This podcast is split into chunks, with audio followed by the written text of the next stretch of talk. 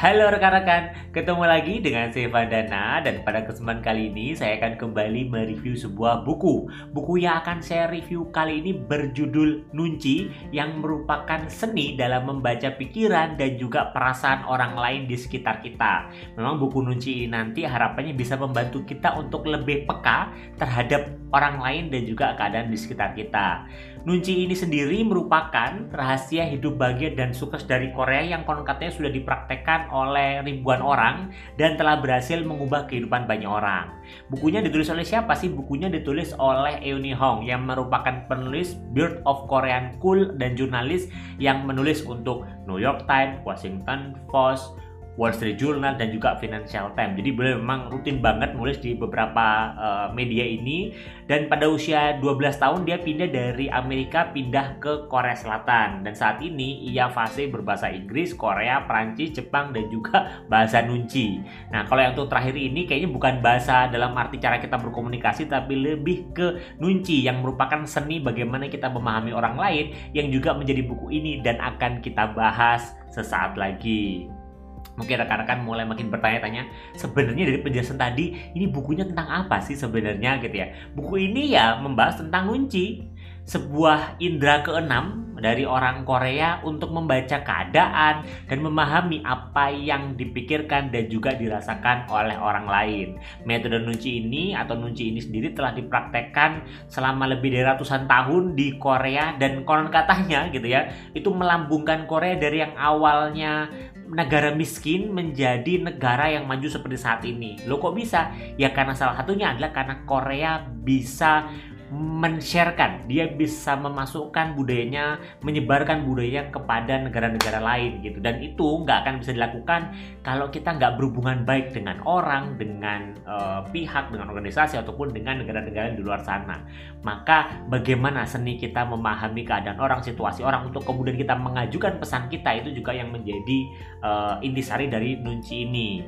Nunci itu memang kalau dibahas di buku ini juga memang disebutnya merupakan salah satu bentuk kecerdasan emosional. Jadi kalau misalkan selama ini kita sudah pernah baca tentang buku emotional intelligence, nah Nunci ini salah satu bentuk kecerdasan emosional yang konon katanya di buku ini juga gitu lebih tinggi daripada empati. Waduh, menarik banget ya. Gimana sih caranya kok bisa dia lebih tinggi daripada empati? Untuk itu yuk kita mulai simak isi dari buku ini lebih dalam lagi. Secara umum buku ini akan terdiri dari beberapa poin pembahasan tentang ya nunci. Apa itu nunci? Apa hambatan dalam kita mempraktekkan nunci dan kenapa nunci itu perlu untuk dipraktekkan dalam kehidupan kita? Serta bagaimana sih penerapan nunci di dalam kehidupan kita sehari-hari ketika beraktivitas, bekerja dan lainnya.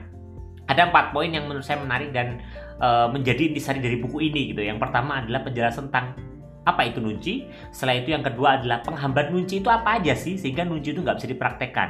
Yang ketiga adalah tentang bagian tentang dua mata, dua telinga dan juga satu mulut dan yang keempat adalah hubungan antara nunci dan juga relasi. Kita mulai dulu di pembahasan yang pertama ya, yaitu kaitannya dengan apa sebenarnya sih nunci ini.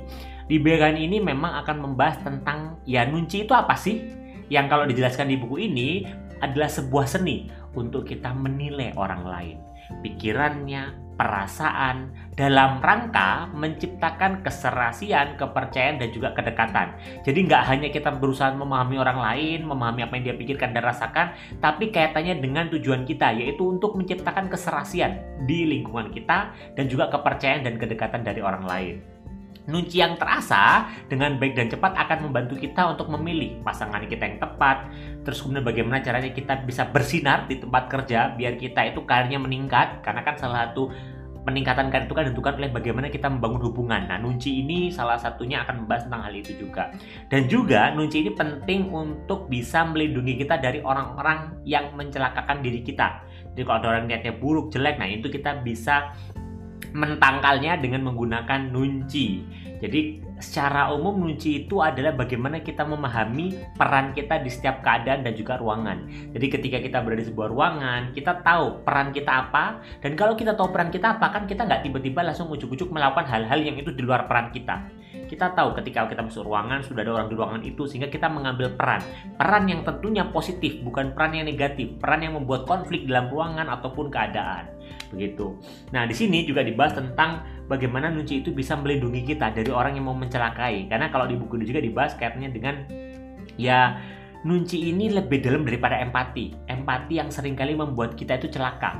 Karena kita empati terhadap orang lain, bisa jadi ada orang yang punya niat jahat, ya kita percaya-percaya aja. Tapi kalau nunci nggak seperti itu. Kita percaya kepada orang lain, tapi kita memahami dan kita mengamati, kita menyimak, kita coba merenungkan apa orang itu, apa yang dia rasakan, dan apa intensinya. Nah ini melihat juga melalui gerak-gerik dan juga kondisi yang dia tampilkan di dalam kesehariannya. Di bagian kedua, buku ini akan membahas tentang penghambat nunci. Jadi, kalau tadi kita bilang bahwa nunci itu yang bikin kita suka membangun hubungan karena kita lebih peka terhadap orang lain, nah ini menghambatnya. Apa sih yang membuat nunci itu sering kali susah untuk dipraktekkan? Karena ya terutama ketika kita menjalankan aktivitas sehari-hari, kadang sudah ada rule, aturan, dan lain-lain.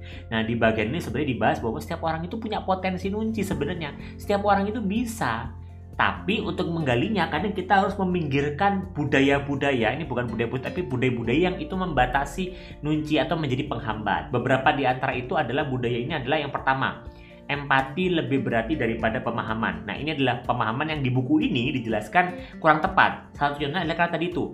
Kalau kita tuh sering kali disuruh untuk empati ke orang, tapi kita kan nggak tahu intensi orang. Mungkin ada orang yang jahat, jahat kepada kita. Maka kita nggak bisa tiba-tiba ya setiap ada orang yang kelihatannya kemudian kita kasihan kita berempati. Contoh yang juga real di start kita mungkin ya ketika ada pengemis. Mungkin kalau kita empati ya ada pengemis apa pun itu gitu ya kita kasih gitu. Dan itu bagus sebenarnya. Tapi jangan sampai kemudian kita kemudian ini sebenarnya orang itu memang memanfaatkan kita. Sebenarnya dia bukan pengemis tapi memang orang yang punya niat buruk kepada kita. Nah, nunci itu membantu untuk kita memahami. Ini benar-benar orang yang patut untuk kita empati atau sebenarnya enggak kita cermati, kita simak lebih dalam, kita lebih peka dengan situasi dan kondisi. Jadi nggak ngeliat satu konteks saja tapi melihat dari banyak konteks yang lainnya. Yang kedua yang jadi penghambat nunci adalah suara lebih berarti daripada hening dan juga diam. Seringkali dalam kehidupan sehari-hari kita tuh biasakan bahwa ya harus ngomong, harus berpendapat. Kita harus ketika ada keheningan gitu ya kita ngomong.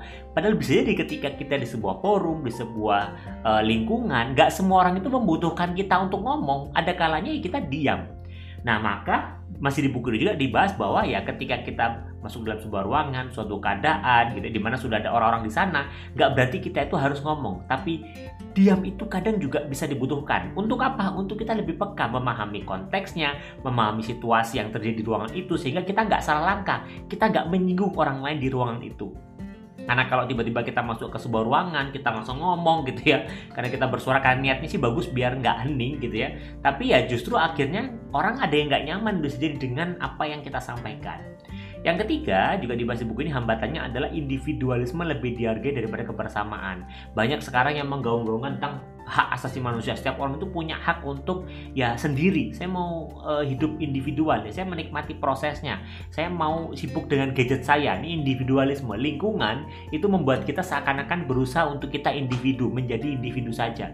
Tapi di di Nunci ini dibahas bahwa ya kadang kebersamaan itu lebih penting. Bagaimana kemudian kita masuk di sebuah keadaan dan kemudian kita itu fokus bukan hanya diri kita, tapi kita fokus pada orang-orang di sekitar kita. Kita punya peran dalam diri kita dan bisa jadi peran itu adalah menjadi member dari sebuah komunitas yang ada ya kita harus menjadi bagian dari komunitas sebaik-baiknya. Jangan hanya kita memikirkan individual saja.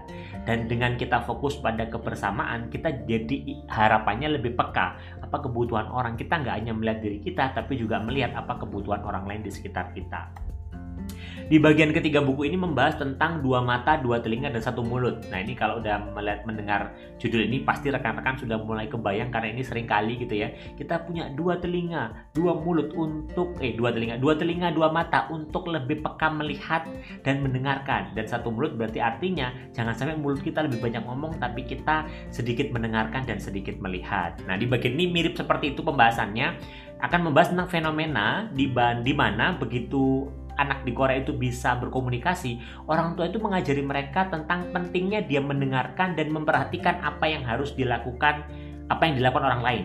Jadi ketika misalkan anak bisa ngomong nggak kemudian ayo ngomong-ngomong nggak tapi kemudian diajari untuk pentingnya diem. Ngomong penting tapi juga berdiam itu juga penting terutama kaitannya tentang kita memperhatikan dan melihat apa yang orang lain lakukan. Hal ini penting karena masih di buku ini juga dibahas bahwa kebiasaan yang dibentuk di usia 3 tahun itu bisa jadi akan mengakar dan terus terbawa sampai usia 80 tahun Contoh di sini digambarkan di buku ini tentang adalah ketika ada orang itu berdiri di sebuah eskalator di sebelah kiri dan sebelah kanan itu kosong. Nah, oleh orang-orang tua di Korea itu si anak diajari untuk menyadari bahwa sebenarnya ketika semua orang berdiri di eskalator sebelah kiri dan sebelah kanan eskalatornya itu kosong, ada alasan untuk itu. Gak bisa tiba-tiba kemudian kita tempati kita tempati sisi kanan karena kalau misalkan rekan-rekan tahu secara aturannya adalah untuk eskalator yang berjalan itu sebelah kiri untuk diam, sebelah kanan untuk berjalan. Jadi kalau ada orang yang terburu-buru dia di sebelah kanan. Nah, anak-anak di Korea itu sudah diajari bahwa ketika kemudian semua orang berdiri sebelah kiri ketika di eskalator dan di sebelah kanan kosong, maka bisa jadi sudah ada alasan untuk itu. Si anak harus peka. Ini ada tujuannya seperti ini. Dia nggak bisa kemudian asal melakukan yang dia inginkan. Nah, itu pentingnya kemudian menyimak dan uh, mendengarkan dan melihat lebih peka lah sepertinya seperti itu. Di bagian ini juga akan dibahas sebenarnya tentang beberapa aturan dalam nunci. Jadi biar nunci ini bisa dipraktekkan, biar bisa aktif kita jalankan sehari-hari itu ada aturannya.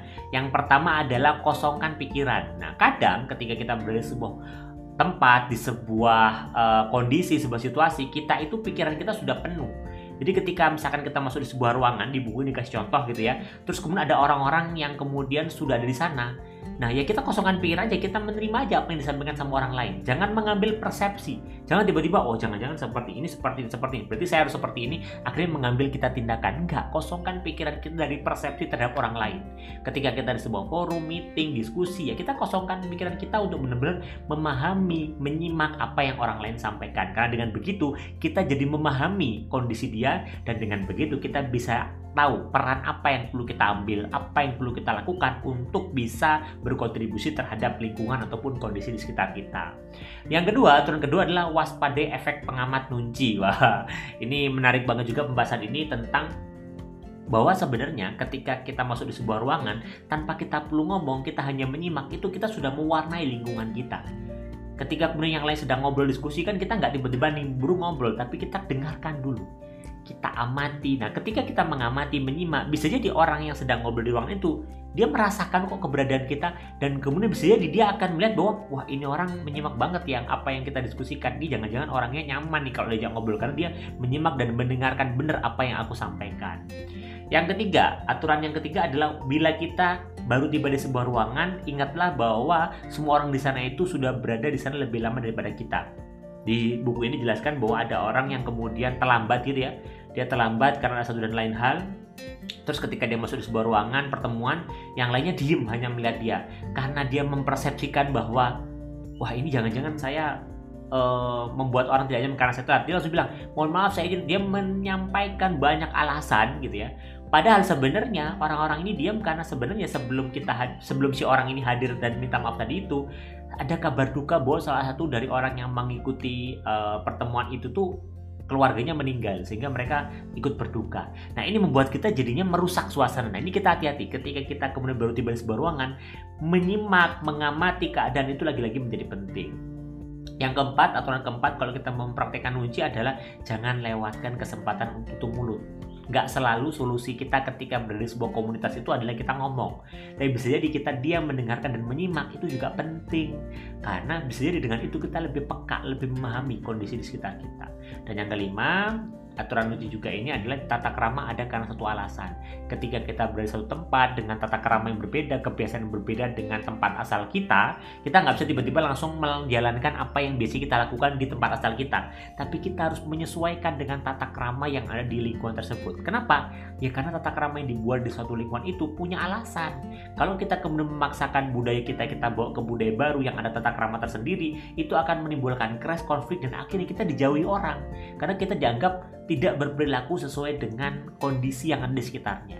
Maka memastikan kita benar-benar memahami mengikuti tata krama di sekitar kita tempat kita berada detik ini itu juga menjadi penting biar apa? Ya lagi-lagi biar hubungan kita itu berjalan efektif, positif dan juga bisa bermanfaat buat karir kita ke depannya di mana pun kita berada. Bagian keempat, ini dibahas tentang antara nunci dan relasi. Hubungannya apa sih? Di bagian itu membahas tentang akar konfusianisme di Korea yang masih saat ini dipegang dan meyakini bahwa setiap orang itu dalam menjalankan aktivitasnya di dunia itu punya perannya masing-masing. Dan peran masing-masing ini itu terpaut dengan orang-orang lain. Maka kita nggak bisa kemudian kita seakan-akan kita punya peran tersendiri. Nggak setiap peran kita itu terpaut dengan orang lainnya. Maka di sini disampaikan penekanan nunci dalam hubungan kita sehari-hari secara pribadi keluarga dan juga pekerjaan kita untuk bisa sukses dan bahagia. Nanti di buku ini juga akan banyak cerita-cerita semacam Eh, percakapan-percakapan yang itu kemudian kita diminta untuk menganalisa kira-kira opsi yang tepat untuk dalam kita mempraktekkan uji itu opsi A, B, atau C, atau D. Jadi kita semacam ada interaktifnya. Jadi kita nggak cuma baca, tapi kita sendiri diminta untuk nanti memilih opsi-opsi untuk melihat apakah opsi kita itu sudah benar dan seberapa kunci itu sudah ada dalam diri kita. Itu yang menurut saya menarik karena kita diajak untuk mengenali diri kita juga. Kita sudah cukup peka nggak sih dengan kunci kita? Kita sudah cukup peka nggak sih dengan keadaan kita? Nah itu salah satunya akan dibahas di buku ini. Kenapa? Ya karena kalau kita mempraktekkan kunci kita dengan baik, harapannya melalui buku ini juga ya akhirnya karena kita akan meningkat. Karena kita disukai orang kita nggak tiba-tiba masuk di suatu komunitas lingkungan dan kita melakukan sesuatu seenak kita aja. Tapi kita berperilaku bertindak sesuai dengan porsi kita peran kita di tempat tersebut. Maka bisa jadi di setiap tempat peran kita berbeda-beda. Ya tugas kita seperti itu menjalankan sesuai dengan peran kita sehingga orang itu tidak terganggu dan justru orang itu bersedia untuk bersinergi membangun relasi dengan kita untuk membentuk hubungan organisasi yang lebih efektif di mana pun kita berada. Kesimpulannya adalah nunci itu sebuah seni untuk memahami nggak hanya orang lain sebenarnya, tapi juga keadaan. Jadi kalau selama ini dalam empati itu kita cuma memahami orang lain, tapi nunci itu kita diminta untuk memahami orang lain, konteksnya, keadaannya, dan lingkungan sekitarnya. Ini lebih luas jadinya, karena kita diminta nggak hanya fokus pada individu, tapi juga pada keadaan. Bisa jadi ada dua individu, dan ini membuat satu keadaan. Nah itu kita harus peka sebenarnya kita harus lebih peka sehingga akhirnya kita bisa berperilaku berperan sesuai dengan peran kita yang ada di dunia. Maka bagi rekan-rekan yang ingin dapat gitu ya insight gimana sih caranya membangun hidup sukses, gimana sih caranya biar bisa hidup bahagia, gimana sih caranya saya bisa sukses dan bahagia dengan cara membangun relasi gitu ya dengan orang di rumah, di lingkungan sekitar kita, di tempat kerja. Ya, ini jawabannya. Silahkan dicari di toko-toko buku terdekat, terutama toko buku online juga sudah banyak yang jual. Dan sampai ketemu di review buku selanjutnya.